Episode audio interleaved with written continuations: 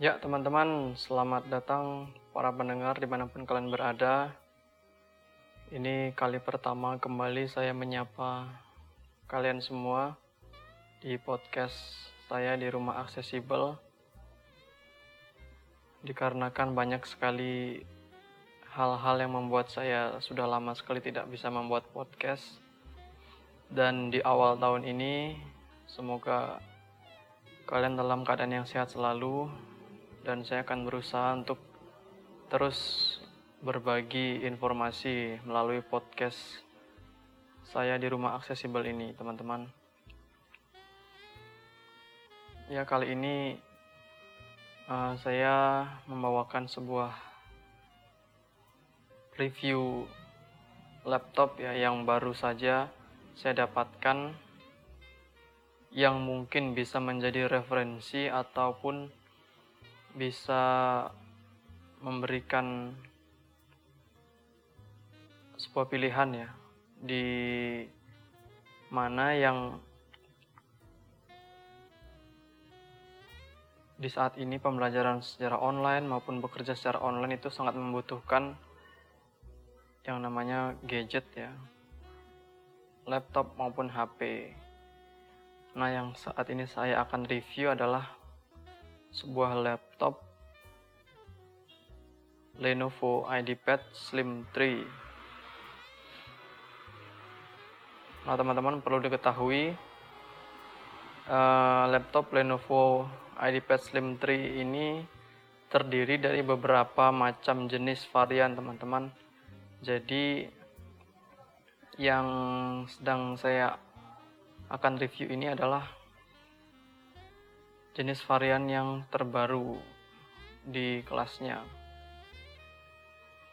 Karena ada beberapa varian yang juga saya baru tahu saat saya waktu itu uh, mencari laptop.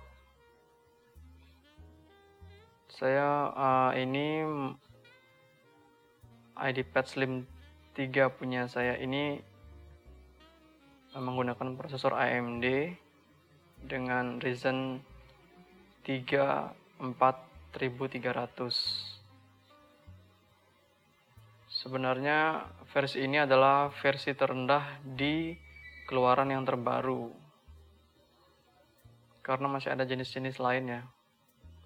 Dan kalau saya pribadi di versi ini sudah cukup untuk menunjang kerja saya untuk membantu saya dalam bekerja teman-teman. Mungkin kalau teman-teman yang ingin mencari yang lebih tinggi lagi tidak apa-apa. Atau mungkin yang sedikit di bawah Ryzen 3 ini juga tidak apa-apa. Itu kembali ke kebutuhan teman-teman. Sekali lagi ini karena eh, barang elektronik tentu dia mempunyai yang namanya batas pemakaian ya. Sebelumnya saya sudah pernah menggunakan laptop dengan jenis Asus dan juga HP teman-teman. Cuman yang memang sangat-sangat membedakan dengan laptop-laptop sebelumnya yang pernah saya coba di laptop Lenovo IdeaPad Slim 3 ini sudah ditunjang dengan SSD jadi penyimpanannya bukan lagi hard disk namun SSD dan itu saya sangat excited karena perubahan kecepatannya sangat luar biasa berbeda jauh dengan yang menggunakan hard disk teman-teman. Jadi tanpa berlama-lama lagi saya akan mencoba sambil saya mereview sambil saya mendemonstrasikan ya. Ini posisinya masih on, eh masih off, sorry. Masih off. Kita akan coba kecepatannya. Ini saya akan tekan ya langsung di tombol power. Untuk membuktikan teman-teman bahwa kecepatannya sangat luar biasa saya akan hitung. 1 2 3 saya tekan power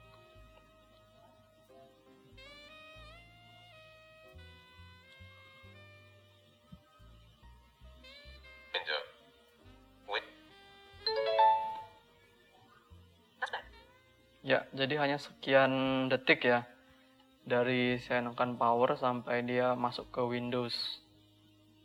Jadi tidak ada istilah lemot ataupun loading loading yang seperti kita jumpai di harddisk harddisk ya. Laptop dengan harddisk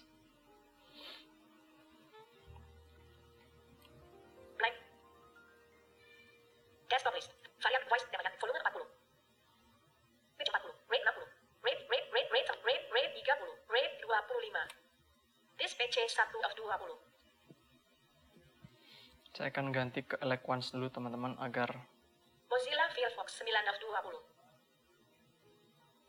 select synthesizer dialog synthesizer combo box micro IBM PTS desktop Mozilla Firefox 9 very brief rate 65 Rate, rate 55. Rate, rate, rate, rate 50. Rate 20. Yeah. Nitro Pro 10, 10 of 20. Rate 50. Rate 10. Mozilla Firefox 9. This PC 1 of 20. Nah. Agar dia tidak miss ejaan ya. Karena kalau pakai Damayanti agak sedikit miss dengan ejaannya. Karena nanti saya akan uh, mencoba mereview spesifikasi laptop ini. Jadi perlu diketahui ini uh, selain SSD juga ditunjang dengan kemampuan RAM sebesar 8 GB dengan juga didukung 4 thread ya 4 CPU kemampuannya 2,7 GHz dan sampai dengan maksimal kalau di turbo 3,7 GHz dan itu sudah sangat lumayan untuk menunjang uh, kinerja laptop dengan menggunakan screen reader khususnya karena selama ini saya menggunakan screen reader itu terkendala di saat dia harus multi open aplikasi ya. Itu seperti, uh, seperti melambat dan sering macet-macetan gitu teman-teman. Jadi saat saya menggunakan SSD dengan screen reader itu sudah tidak pernah terjadi ya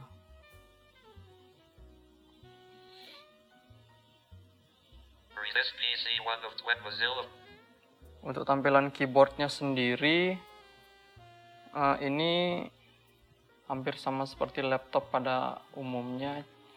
Dan ini ukurannya 14 inch. 14 inch. Namun biasanya kalau di laptop-laptop yang terdahulu yang 14 inch itu ada tombol home, page up, page down dan tombol N atau tombol akhir. Tombol N di sini tidak ada teman-teman, di sini tidak ada tombol home, page up, page down dan N. Karena dia menggunakan kombinasi tombol function yang ada di sebelah kanan kontrol sebelah kiri. Jadi home itu disubstitusi dengan kontrol tombol function dan panah kiri ya dia langsung menuju ke paling atas dan pertama. Kalau tombol N kontrol function panah kanan. Kalau page up, page down dengan atas dan panah bawah, kontrol function tetap ditekan. This PC not Google Chrome not selected 8 of 20. Nah itu sedikit. Dan lagi satu uh, biasanya teman-teman kalau yang pengguna screen reader itu akan ada menjumpai tombol application. Nah tombol application ini yang sering sekali di, tidak kita temukan di laptop-laptop keluaran terbaru ya teman-teman. Nah, maka dari itu dia disubstitusi dengan cara tombol function lalu shift dan tombol F10 teman-teman. Context menu. Nah, dia akan masuk ke context menu. Open, open, find, run as a, run as Sama saat kita menjalankan tombol aplikasi yang biasanya terletak di sebelah kanan ya sebelah kanan di samping ALT atau di samping panah kiri biasanya. Nah, di untuk keluaran yang terbaru laptop-laptop itu relatif hampir semua tidak ada atau bahkan semuanya sudah nggak ada tombol aplikasi dan home maupun page up, page down dan tombol N. Selain itu, ada lagi yang lain. Biasanya kalau di laptop dengan ukuran 14 in itu dilengkapi oleh CD-ROM, tapi untuk yang terbaru ini tidak ada lagi CD-ROM. Karena saya rasa di perkembangan zaman seperti saat ini CD-ROM uh, sudah tidak lagi uh, relevan ya. Sekarang zamannya sudah menggunakan Drive, WhatsApp, Wipe kalau bisa mengirim file-file jadi saya rasa uh, driver-driver pun bisa diinstal melalui online maupun juga harddisk eksternal atau flash disk. Jadi kapasitas SSD yang saya uh, miliki di IDPad Slim 3 ini adalah 512 GB dan masih bisa ditambah hingga 1 tera ya. Cuma ini karena slotnya tidak ada penyambungnya lagi. Akhirnya dia mungkin bisa diganti namun melepas SSD yang lama. Sebenarnya ada slot keduanya untuk menaruh storage. Cuma konektornya harus masang lagi kalau RAM-nya sendiri 8 GB seperti yang tadi saya sudah katakan dan itu sangat mensupport kinerja laptop ini menjadi sangat ringan walau harus menggunakan screen reader ya.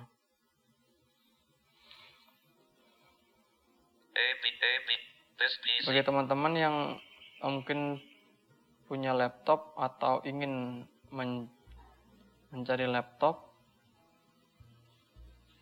bisa silahkan browsing-browsing di Google laptop apa yang ingin dicari sekiranya yang sesuai dengan spesifikasi yang diinginkan ya dan kebutuhan terutama. Agar kita bisa membelinya dengan tepat guna itu tidak hanya sekedar membeli untuk eh, hal-hal uh, yang kurang perlu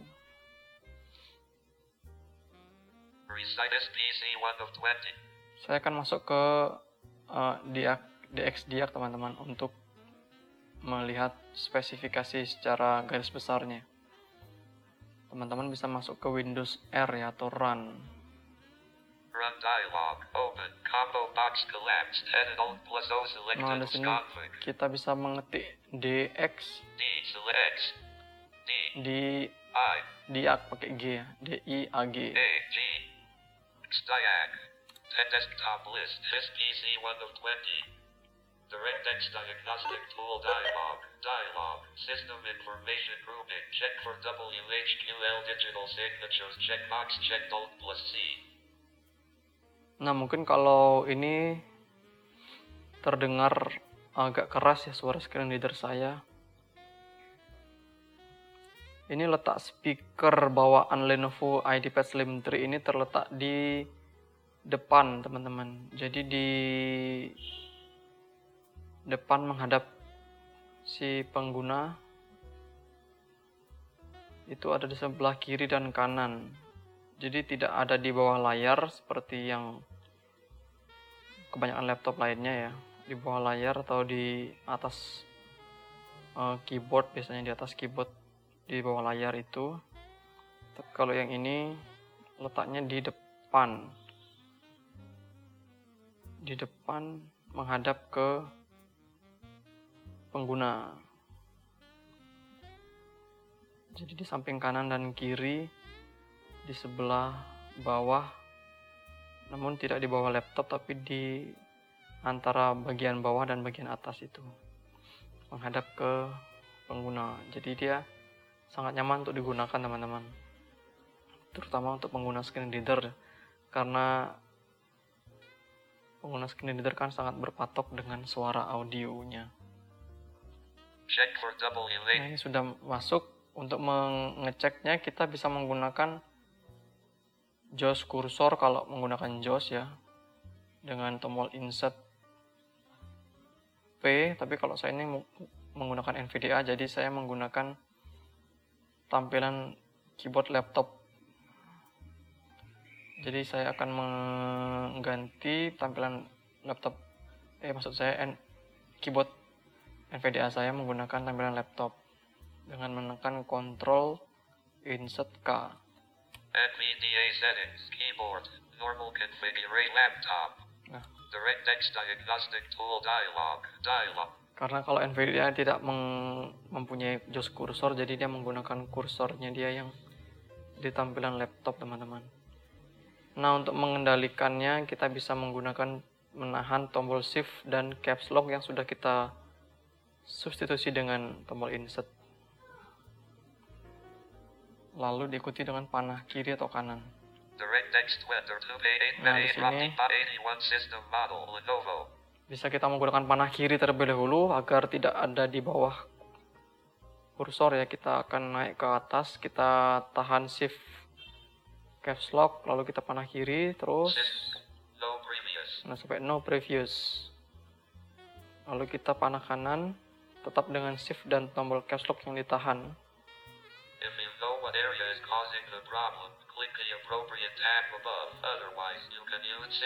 Nah terus kanan nah ada computer name sampai seperti itu.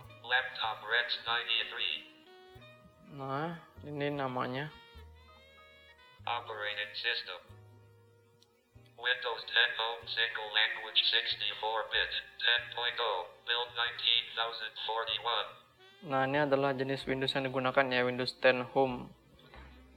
Ini adalah jenis Windows Ori teman-teman. Jadi kalau saat ini kita membeli laptop sudah tidak lagi seperti dahulu yang harus diinstal Windows dulu diinstal program-program atau Microsoft Office tapi sekarang ini Windows 10 Ori dengan bawaan Win dengan bawaan Microsoft Office-nya juga dengan yang Ori. Microsoft Office-nya namanya Microsoft Office Student kalau nggak salah. Dia terpasang langsung di motherboard teman-teman. Jadi sekalipun dia di install ulang dia akan kembali lagi seperti Windows yang awal. Jadi tidak ada istilah install Windows seperti laptop-laptop terdahulu ya teman-teman. Yang mana itu rata-rata masih bajakan. Dengan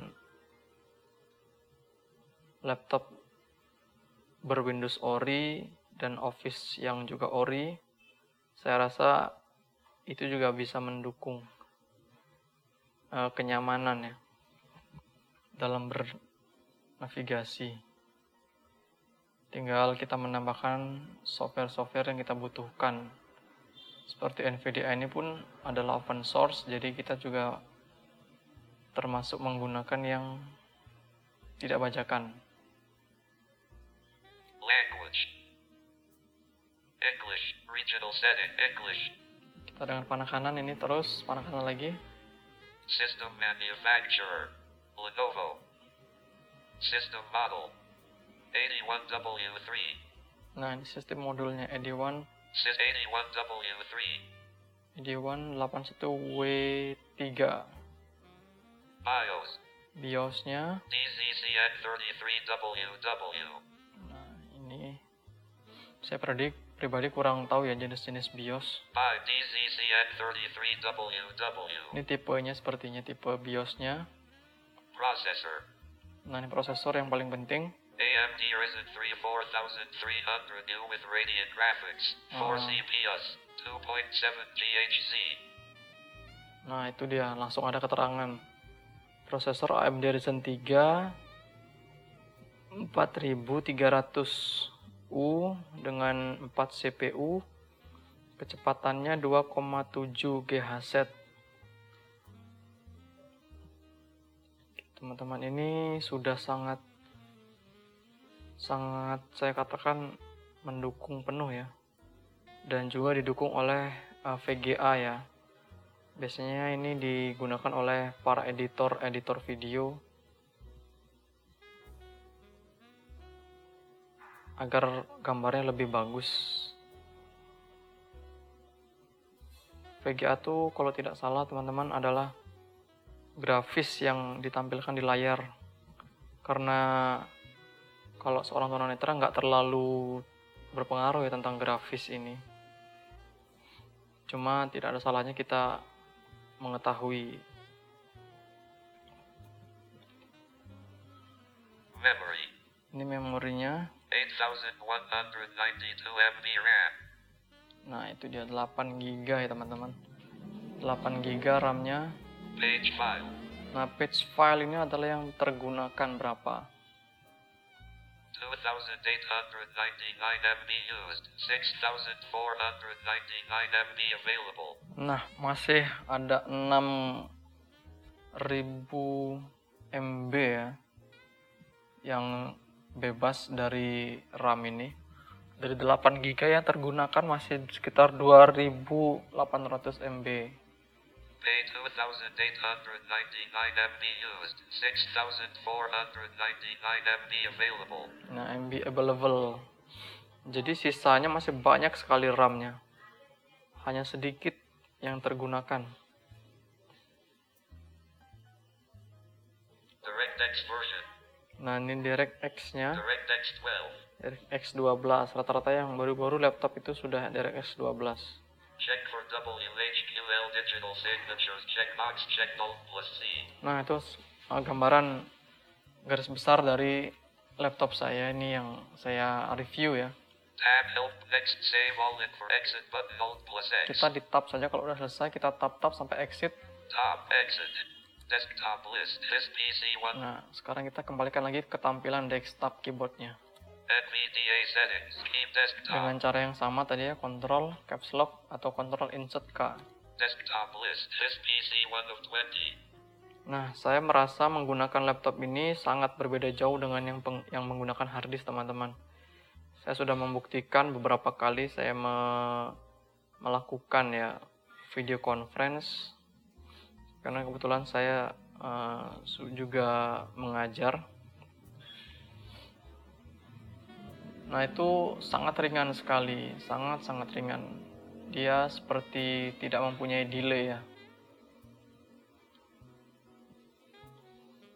seperti saya membuka sekarang coba saya buka kontrol eh, apa namanya Google Chrome G.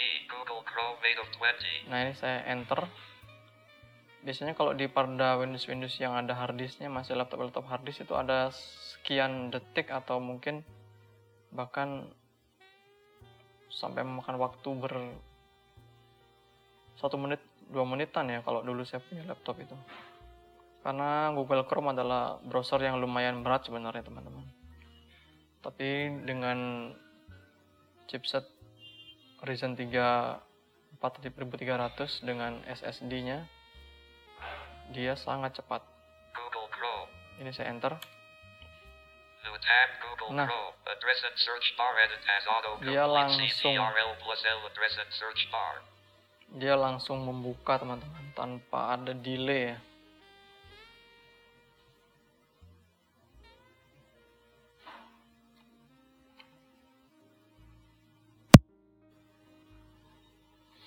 ya saya lanjutkan Eh,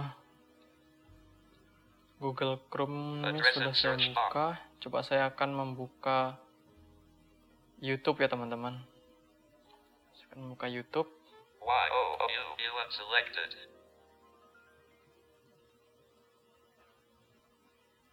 YouTube.com. YouTube.com selected.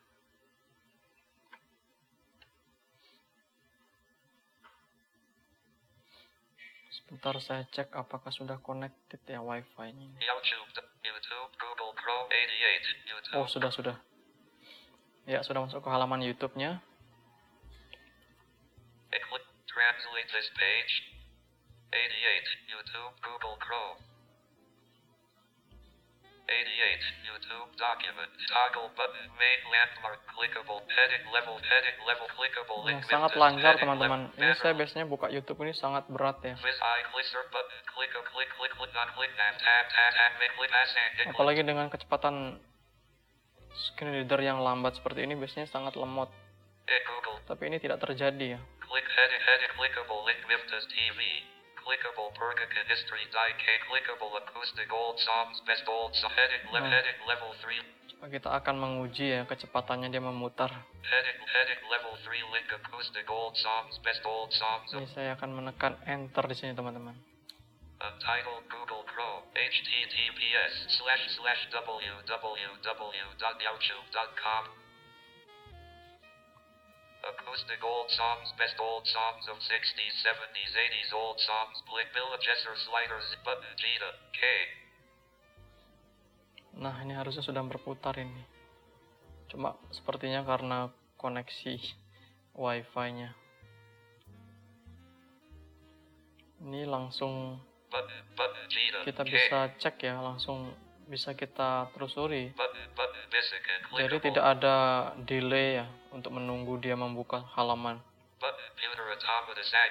Nah di sini langsung bisa kita panah-panah bawah. Karena pengalaman saya menggunakan hard disk tuh yang kemarin untuk membuka halamannya pun dia membutuhkan waktu beberapa detik. Kalau paling cepat itu pun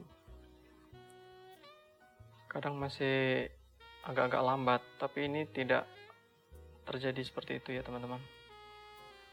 Ini cuma masalah koneksi ya sepertinya dia tidak terputar lagunya. Coba kita menggunakan link video lain dulu. Acoustic old songs, Barracuda, clickable voice avenue, greatest hits voice avenue, clickable video mix, acoustic old songs, best old clickable ambush, Noah, Rasa, Megan, Beauty, the Remy, Judica, Lago. Nah, itu sudah.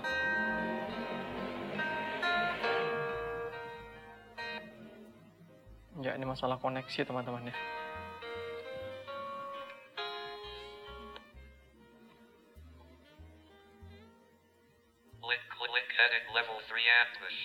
Rasa, Megan, Beauty, the Remy. Visited.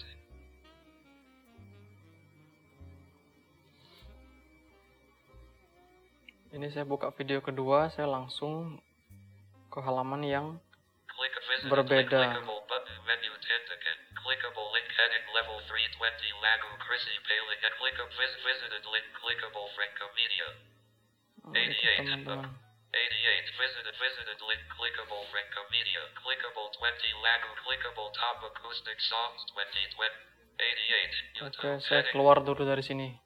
Sekarang saya akan mencoba buka program lain dulu desktop karena sepertinya koneksi wifi-nya ini sedikit gangguan ya teman-teman di sini.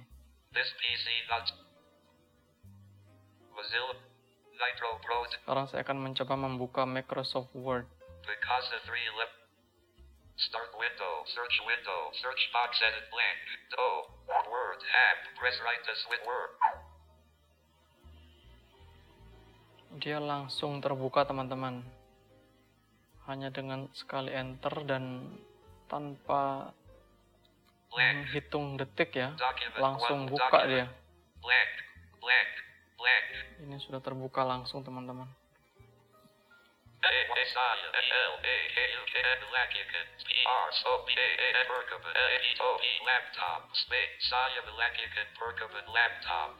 Nah, itu dia langsung sangat nyaman ya digunakan ya untuk mengguna screen reader terutama. Kalau untuk pengguna teman-teman umum mungkin ini secara gambar juga bisa dilihat ya perbedaannya. Dengan laptop yang menggunakan grafis VGA dengan yang tidak menggunakan grafis VGA.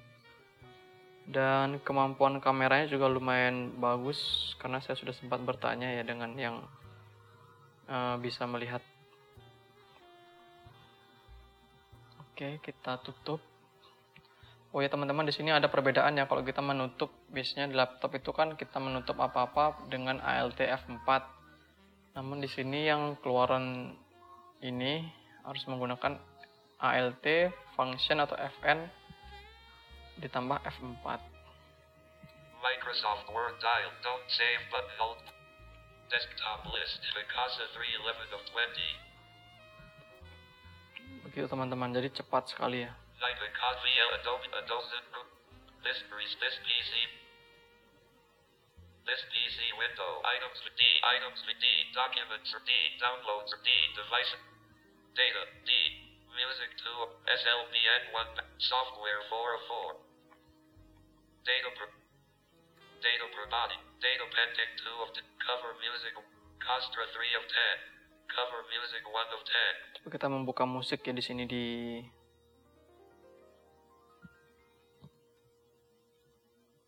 aplikasi Winamp.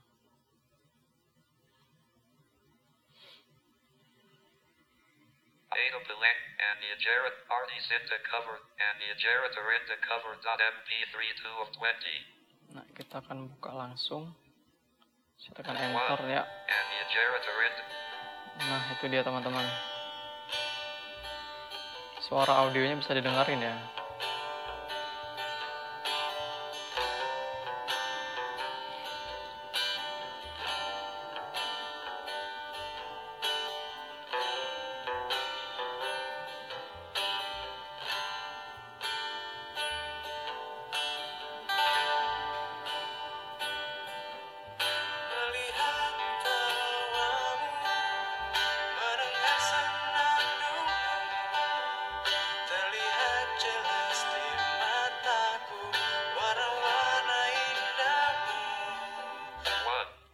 Teman-teman, sekilas tentang gambaran suara audionya. Kalau masalah audio ini kita eh, relatif ya, tergantung selera orang yang mendengarkannya ya. Kalau bagi saya pribadi ini lumayan sangat enak ya. Karena dengan kualitas eh, kemampuan laptop yang sudah sangat nyaman, saya rasa ini sangat cukup ya untuk audionya.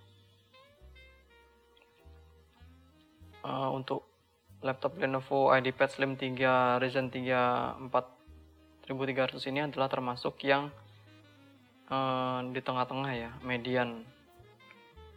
Median version ya kalau saya bilang ya. Karena untuk high versionnya masih ada teman-teman. Tentu dengan kualitas dan kemampuan chipset dan CPU-nya yang juga tentu lebih tinggi gitu. Cuma karena memang saya sedang sangat memerlukan dan ini saya rasa yang paling cukup ya. Jadi saya menggunakan Lenovo IdeaPad Slim 3 Ryzen 3 4300 ini. Ya kalau saya bilang sih eh, disesuaikan saja dengan kemampuan teman-teman yang mau beli laptop terutama ya. Tidak usah memaksakan harus beli yang tipe A, B, C atau yang lainnya.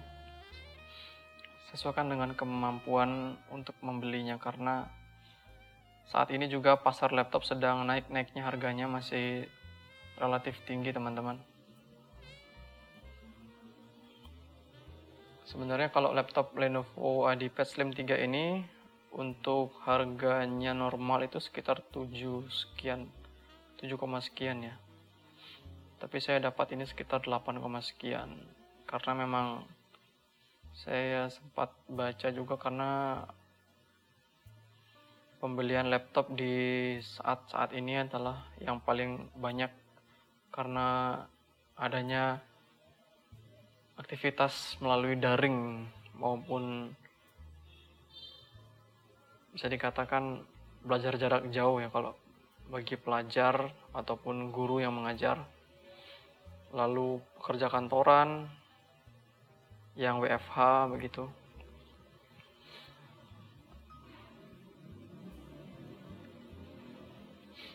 Nah teman-teman.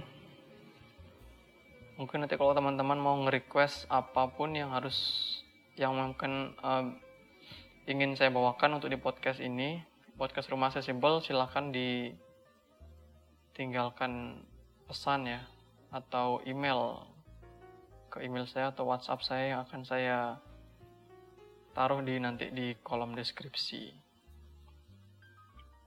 1. And the generator in the cover window. Main window 1. And desktop list. This PC 1 of 20. Oh ya teman-teman kemarin saya juga sempat melakukan Zoom meeting ataupun Google meeting ya. Itu ternyata suaranya dari screen reader ini tidak menembus ke peserta audiens yang lain gitu. Jadi kalau biasanya saya menggunakan screen reader itu suaranya pasti bocor ke audiens yang lain ya. Audiens meeting yang lain. kecuali saya menggunakan headset baru bisa suaranya tidak terdengar tapi kalau kemarin kita saya saat zoom meeting dan google meeting itu suaranya tidak bocor ya ke audiens lain jadi kita aman bernavigasi dengan laptop dengan screen reader tidak sampai mengganggu ya eh, meeting zoom ataupun meeting google ya. Terutama di forum-forum yang melibatkan banyak orang itu tidak ribut kalau ada screen readernya kan biasanya tercampur-campur sama orang-orang yang mau ngomong. Tapi kalau yang ini tanpa kita share screen dan kita bagikan audionya tidak akan terdengar teman-teman. Walaupun tidak menggunakan headset sekalipun dan suaranya cukup jernih untuk ditangkap ya.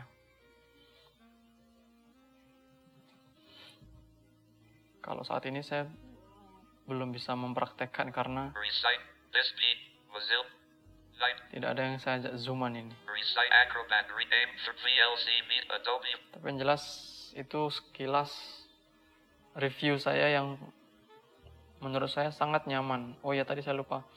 Untuk di body laptop ini tersen- sendiri selain eh, tidak ada CD-ROM di sini ada dilengkapi eh, tiga colokan eh, jack untuk flash disk ya. Dan HDMI ada satu, lalu card reader tetap, lalu colokan headset dan charger. Di sini hanya minus eh, konektor Type C-nya. Konektor Type C-nya di sini nggak ada ya teman-teman. Yang ada cuma tiga jack flash disk, colokan lubang flash disk, HDMI dia sudah tidak menggunakan proyektor ya kalau yang dulu-dulu kan bentuknya eh, memanjang agak melengkung untuk konektor ke proyektornya ya. Saat ini sudah tidak ada saat ini langsung digunakan HDMI teman-teman. Nah begitu. Sekiranya ada banyak kekurangan mungkin saya minta maaf.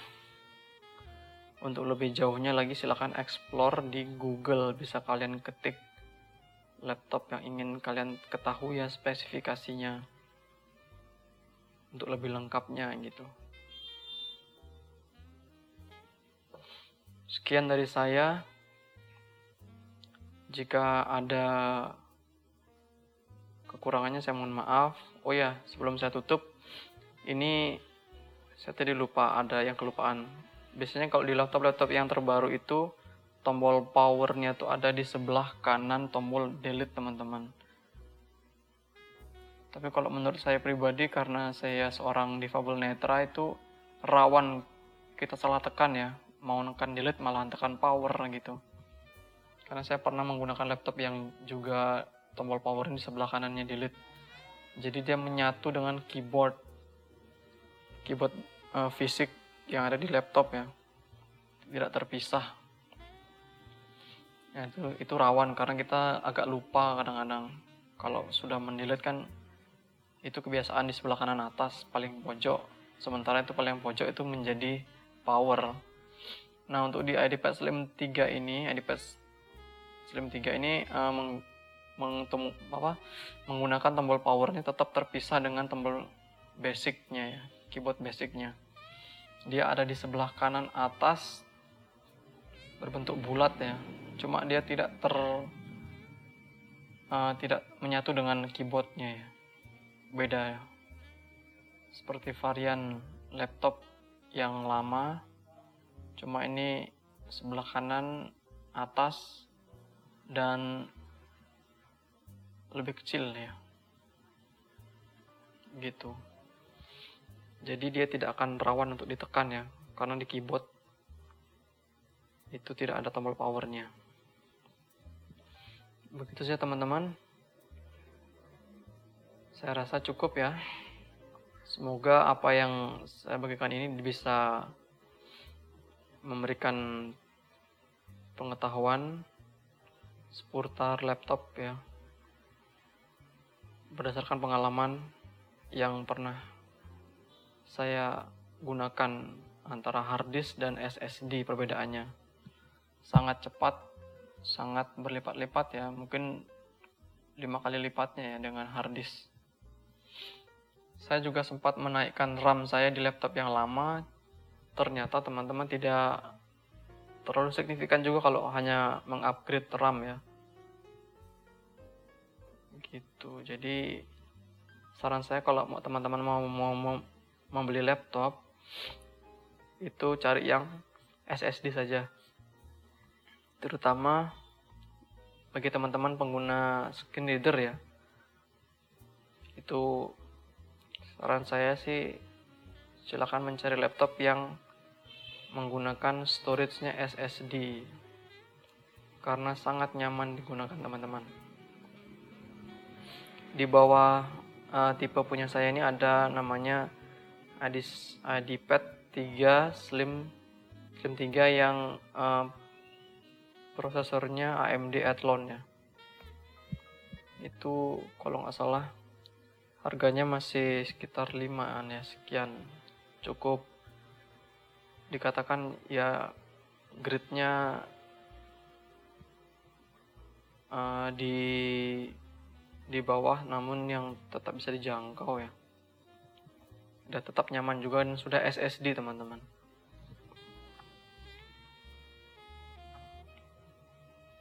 jadi sebenarnya kalau kita berbicara tentang laptop ini tidak ada habisnya ya. Semuanya kembali kepada selera dan kembali kepada kebutuhan teman-teman. Dan yang terpenting eh, bagaimana kita bisa merawat laptop yang kita miliki ya. Dengan tidak lupa kita melakukan screen atau defrag ya di waktu-waktu tertentu agar menjaga kualitas laptop ini